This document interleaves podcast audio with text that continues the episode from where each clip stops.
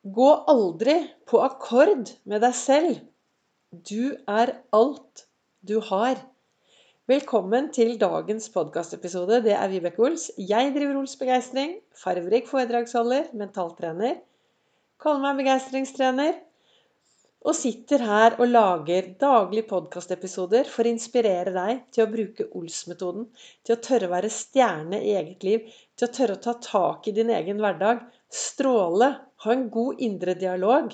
Tenke bra om deg selv. Og i går så snakket jeg om arbeidsglede. Og arbeidsglede er noe vi velger. Det er glede i arbeidet, og det er en glede som jeg selv velger. Det er ingen andre som kan bestemme for meg at Vibeke, nå skal du være glad. Jeg trenger å finne den gleden selv. Det som er viktig, er jo at det er jo alltid balanse i hverdagen og i livet vårt. ikke sant? Så alle dager er sikkert ikke fulle av arbeidsglede. Det er sikkert masse dager som er stressede. Det opplever jeg. At noen jobbdager er sånn du tenker at 'Å, herlighet, hva skjedde her?' Her ble det mye stress. Det som er viktig å alltid tenke, er jo at du er mye mer enn bare jobben din. Og, og du er eh, Altså Hvis du er en jobb, f.eks. sånn som jeg av og til er på Gardermoen, så har jeg på meg en uniform. Og da, når folk er litt sinte, utfordrende, så er det jo aldri Vibeke de er sint på, det er uniformen min. Og da kan det hende at det, er hendelser som kanskje blir litt stressende. Og så er det viktig å ikke ta med seg de hendelsene hjem. Og det er noe jeg har lyst til å, å snakke litt om i dagens eh, episode. For det, det det står det det sto, nei, det det sto i kalenderen min i dag, der sto det jo 'ikke gå på akkord med deg selv'. Du er alt du har. Det er Janice Joplin som har sagt de ordene. Og det er, det er så viktig å ta vare på seg selv oppi alt som skjer. Og hva sier flyvertinnen? Hun sier 'ta alltid på deg selv masken før du hjelper andre'. Og hva har det med arbeidsglede å gjøre? Jo, det er viktig å ta på seg selv masken og passe på seg selv. Og jeg tenker det jeg skal frem til nå i dag, er at det er viktig å finne et verktøy som gjør at ja, når du går på jobb, så klarer du å legge privatlivet litt til side, sånn at du gjør jobben så bra som mulig. For da får du en mestringsfølelse. Du kan bli stolt av det du er, og det du gjør. Og det er lettere å finne en arbeidsglede i jobben sin. Samtidig, når du kommer hjem, så er det jo viktig å la jobben bli igjen hjemme. Og av og til så er det ikke bare arbeidsglede på jobben. Det kan være utfordringer, det kan være stress. Det kan hende at du har hatt en del hendelser som, eh, som, gjør at du blir veldig sliten. Du kan kanskje bli sint, du kan bli irritert. Du kan ha kollegaer som du bare tenker 'er det mulig?' Og så kanskje du hisser deg litt opp, osv., osv. For sånt skjer. Og da er det jo viktig å ha et bra verktøy, sånn at når du kommer hjem, Tenk hvis du kommer hjem, og der sitter det faktisk noen og venter på deg. vet du, Som bare gleder seg til å se deg. Og så tar du med deg arbeidsfrustrasjonen hjem. Og så påvirker det deg. Og så blir det kanskje ikke så hyggelig hjemme som om du hadde, hvis du hadde klart å legge fra deg jobben før du går. Det jeg gjør på Gardermoen Det hender jo at jeg har hendelser på godt og vondt. Det kan også være hendelser Jeg er sånn som når folk har vonde opplevelser, så tar jeg de med meg. Altså jeg tar inn, hvis det er lov å si det, så kan jeg ta inn litt hvordan folk har det. Og jeg husket her for en stund tilbake siden så husker jeg at det var et ungt par som f.eks. da skulle til New York.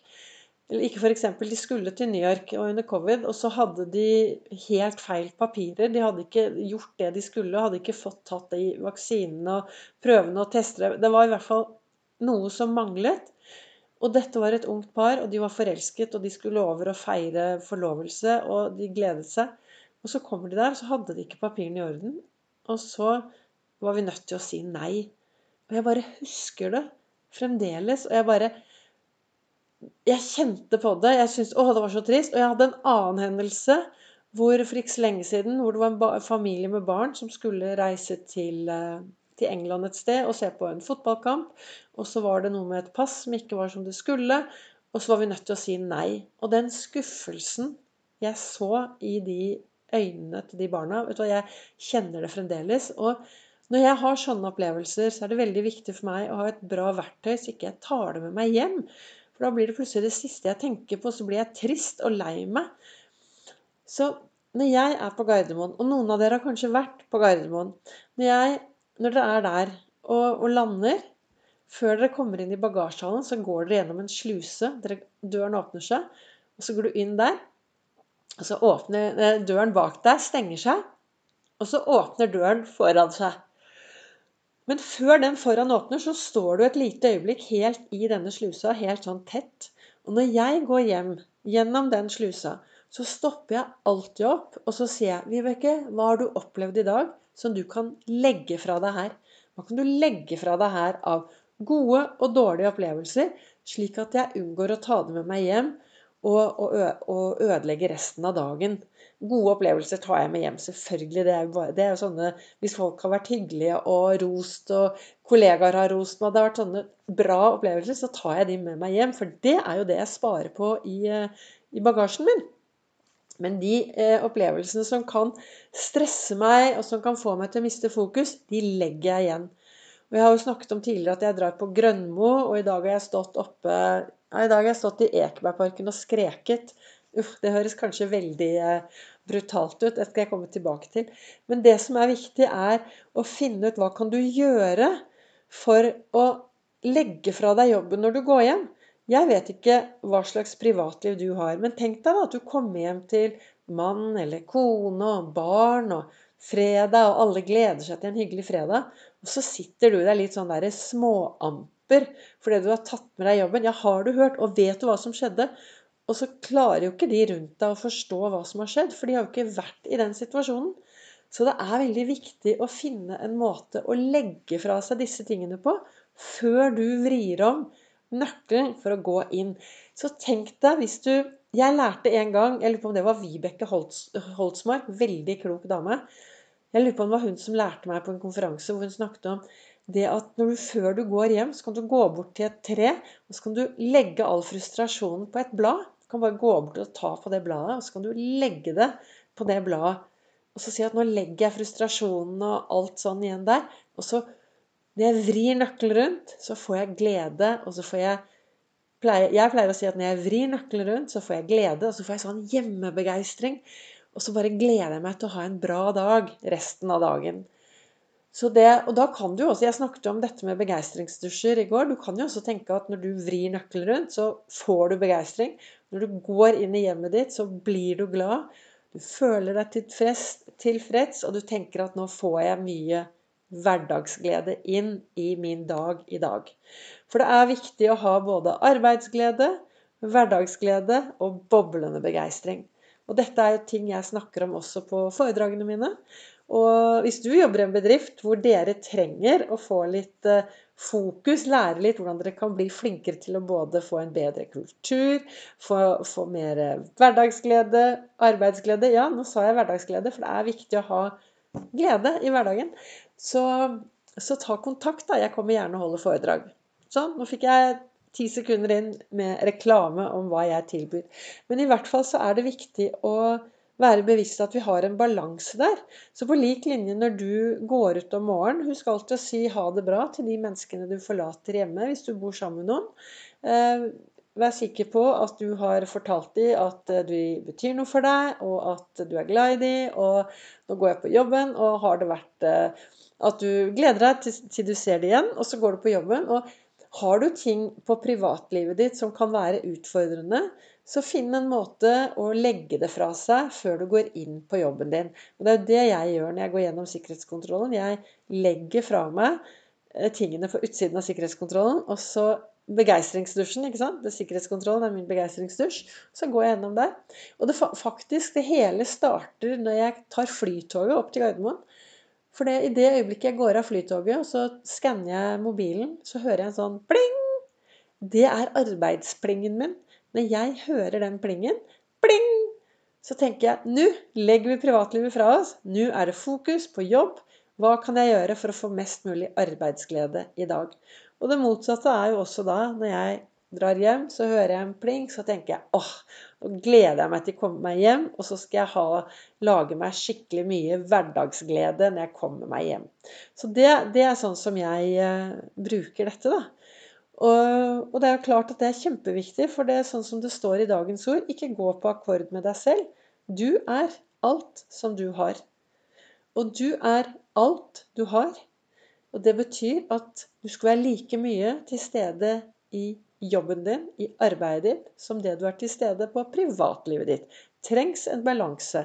Og noen av, noen av oss har kanskje et forhold. Eh, noen er kanskje gift, noen har barn. Det er noen som venter på deg, kanskje, og da er det jo viktig at du har litt overskudd til de også.